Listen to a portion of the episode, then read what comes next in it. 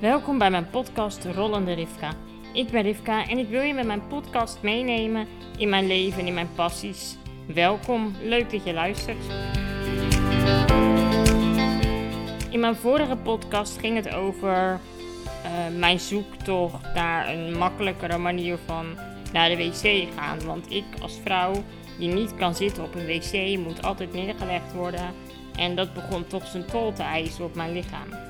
Dus ik ben uh, gaan zoeken naar andere manieren waarop dat makkelijker en fijner zou kunnen. En in de vorige podcast ging het dus over het feit dat ik vijf weken een urine, uh, een, een katheter heb geprobeerd die in mijn urinebuis zat. En ik heb ook verteld dat het niet heel erg ideaal was.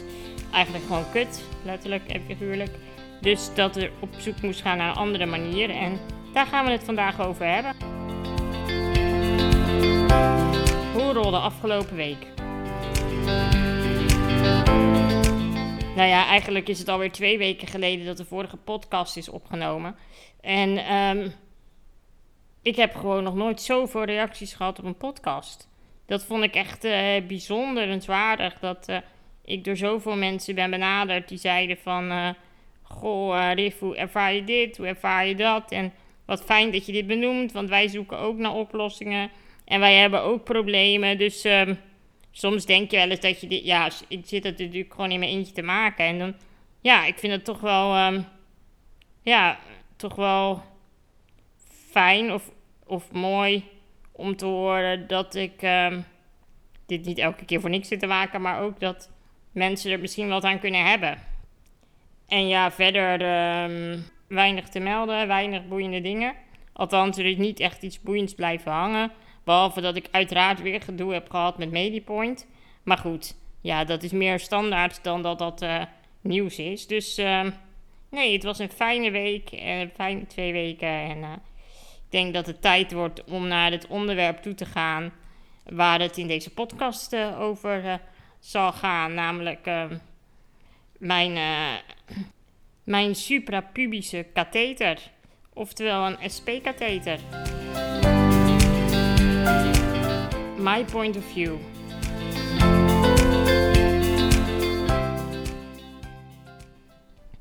Nou ja, zoals ik dus al zei in de vorige um, podcast, wat ik, uh, waarin ik vertelde over de, uh, de katheter in mijn urinebuis, wat uh, voor- en nadelen had, vond ik de vrijheid van het niet naar het toilet moeten ontzettend fijn.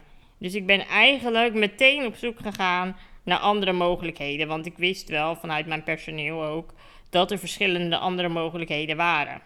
En ik zal kort wat uitleggen over de andere mogelijkheden. Je hebt dus een suprapubische katheter, dat noemen ze ook wel een SP-katheter. En dat is letterlijk een gat van je buik naar je blaas. En voor de mensen die niet helemaal weten waar je blaas zit, je blaas zit net um, achter je schaambod. Dus ze prikken een gaatje, letterlijk net boven je schaambod, gewoon hup naar binnen. Stoppen ze een katheter in en klaar.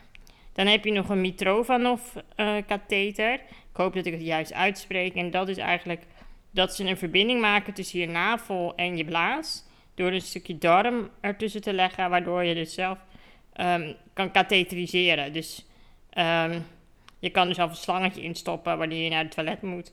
En het er ook weer uithalen. Um, en je hebt ook nog een urinestoma. En dat is eigenlijk dat ze je blaas helemaal uitschakelen.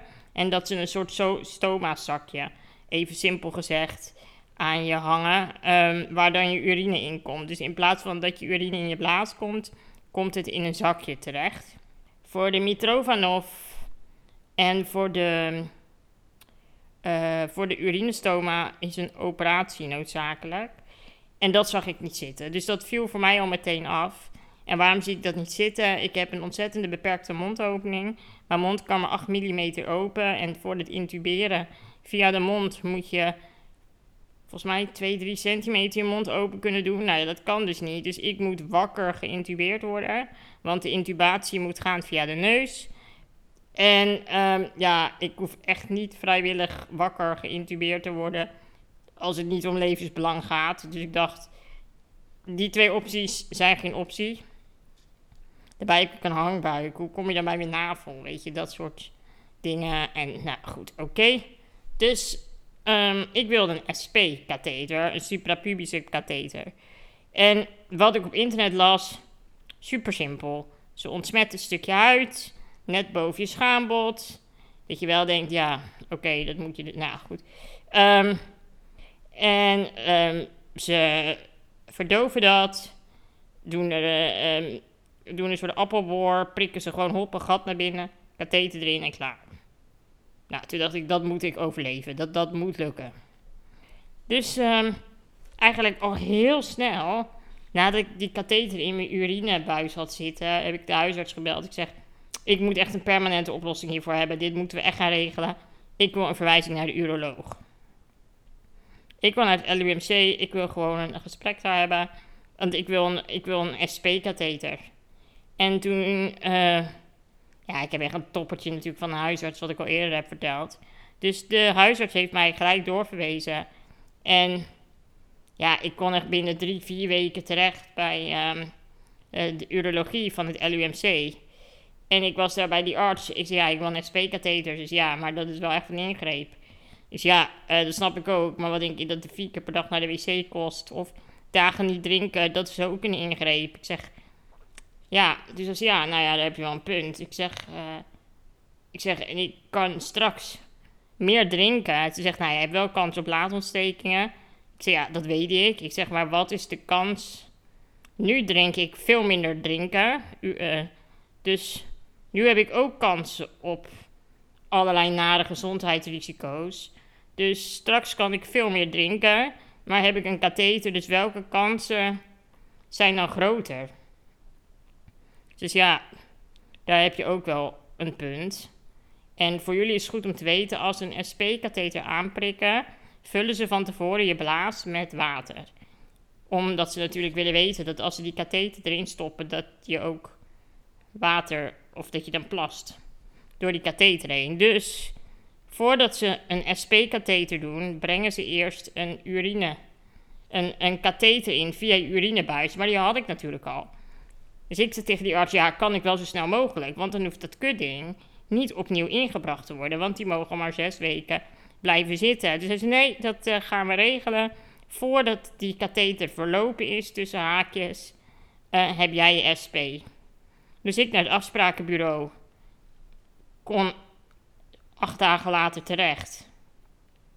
Dus voor jullie idee, vanaf het moment dat ik voor het eerst een katheter in mijn urinebuis had, tot het moment dat ik een SP-katheter had, dus zaten letterlijk vijf weken tussen. Dus dat is echt in een razend tempo gegaan. Nou ja, en ik ging dus naar het ziekenhuis toe en ik moest op een bed liggen. Gewoon mijn broek op mijn enkels. En uh, nou, ze vulden mijn blaas met water. Nou, toen gingen ze kijken met de echo waar mijn blaas lag. En ik had zoveel enge verhalen gelezen op social media. En andere mensen hadden me verteld hoe ingewikkeld ons lijf was, wat er allemaal mis kon gaan. Dus ik was echt wel een beetje bang. En ik ben gewoon geen held met dit soort dingen. Maar ik denk dat niemand een held is. Ja, ik had echt het zweet, jongen, overal staan. Dus, uh, nou, die arts assistent, nee, AIOS, weet ik wat het was. Nou, van geen, nou ja. Um, die zegt, nou, hier zit hij. Dus die prikt, die doet eerst verdoving in mijn buik, spuiten. Nou, dan voel je twee kleine prikjes. Ik vond dat echt super meevallen. Ik was vooral heel erg gestrest en hysterisch. Dan dat het echt pijn deed. Nou, hysterisch, ik was niet hysterisch. Ik kletste gewoon een beetje veel en een beetje dom. Dat is denk ik een beetje hoe je het moet zien.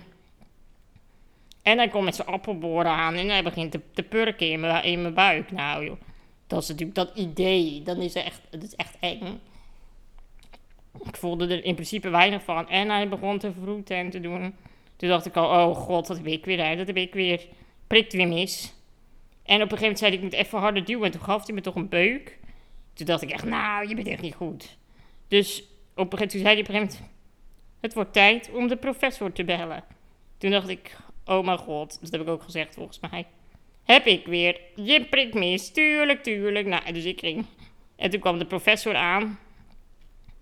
Ja, die zit te hoog. En dat zat hij ook, want hij zat, ja, hij zat ook echt hoog. Dus ik ben echt dolblij dat dit is mislukt. Want anders was hij echt precies op mijn onderbroekrand geplaatst. Dus die professor, de, nee, het moet lager. Dus die ging echt keihard douwen om te voelen waar de rand van mijn schaambod zat.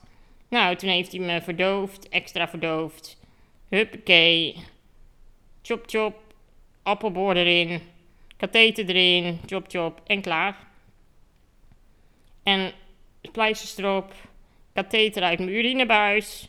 Wat een bevrijding. En ik kom weer in mijn rolstoel.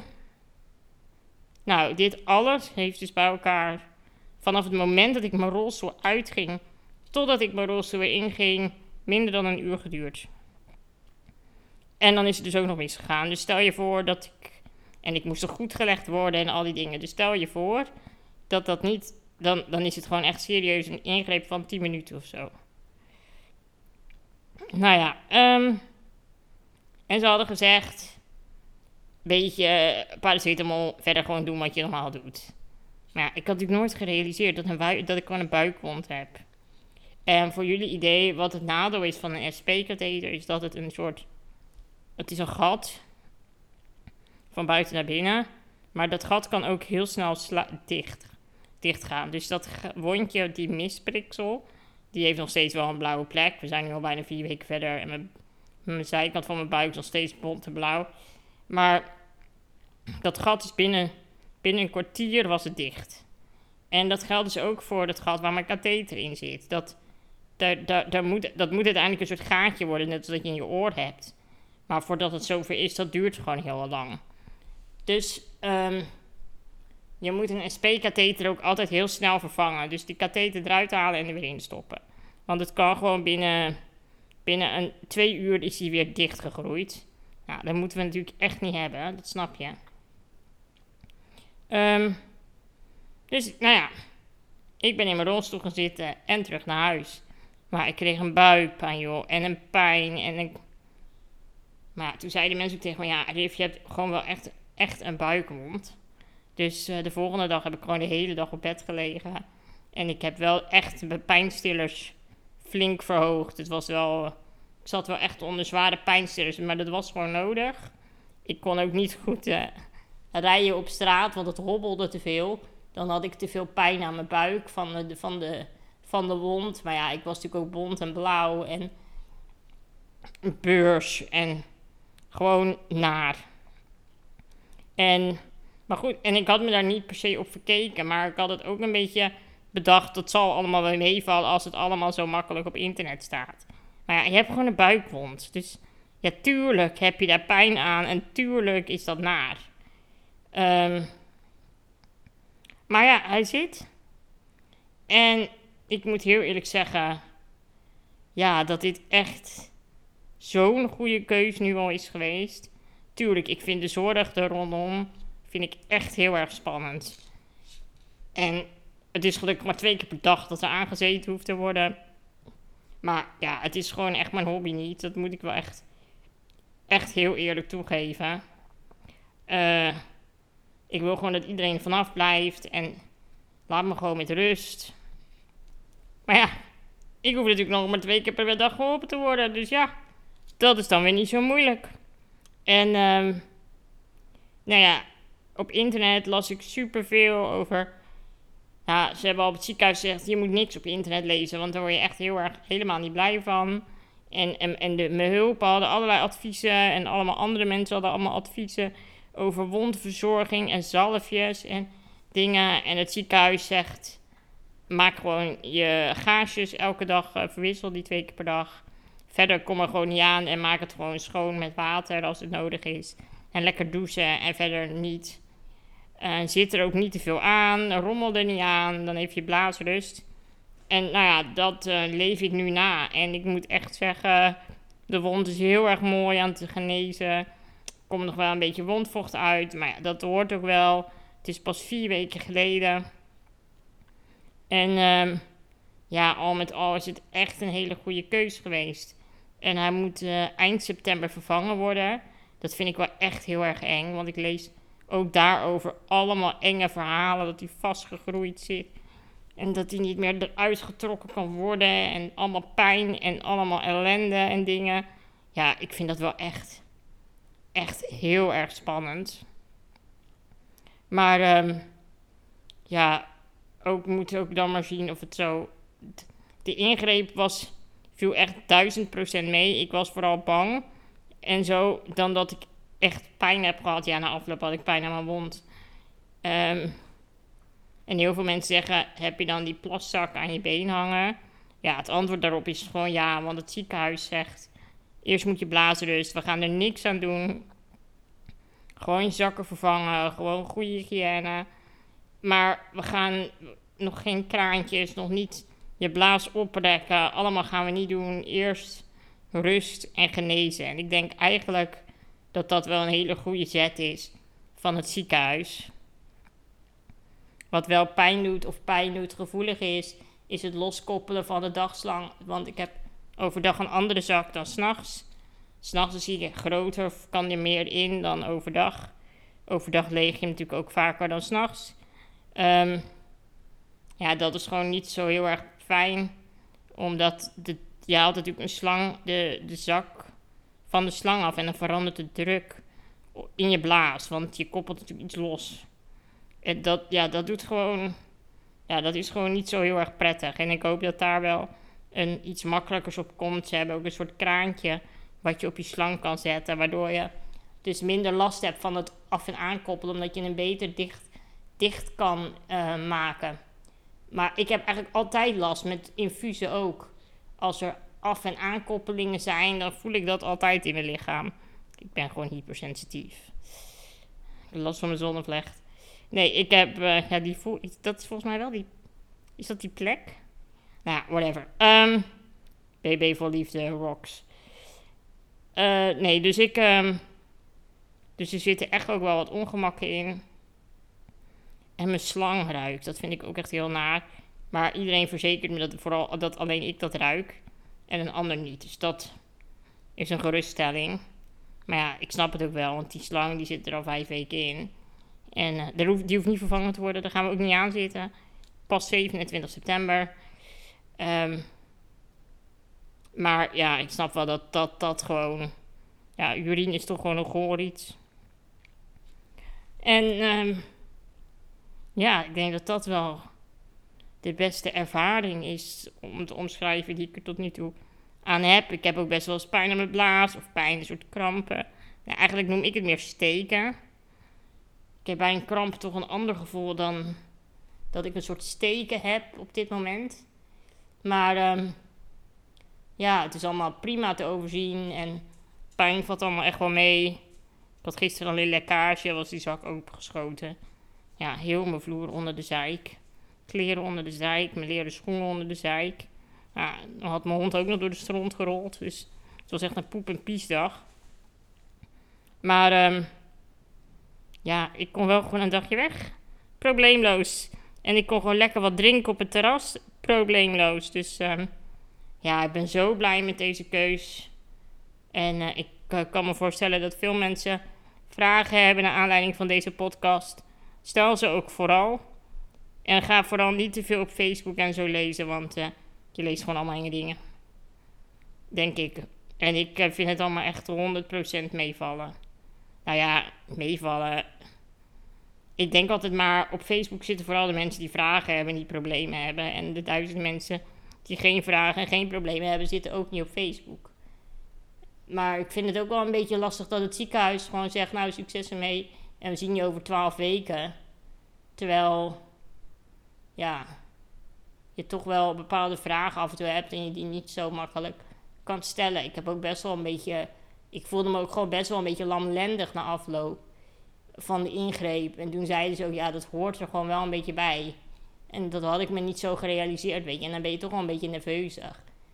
Maar al met al, het is allemaal goed gekomen. En um, ja, ik ben benieuwd naar de vervanging. Oh, ik wil er nog niet aan denken. Uh. Maar goed. Dit was hem weer. De podcast van deze de komende twee weken. Um, bedankt voor het luisteren. Vergeet je niet te abonneren. En als je vragen of suggesties hebt, neem dan contact met mij op via rollanderivka.nl of via alle socials. Tot de volgende keer.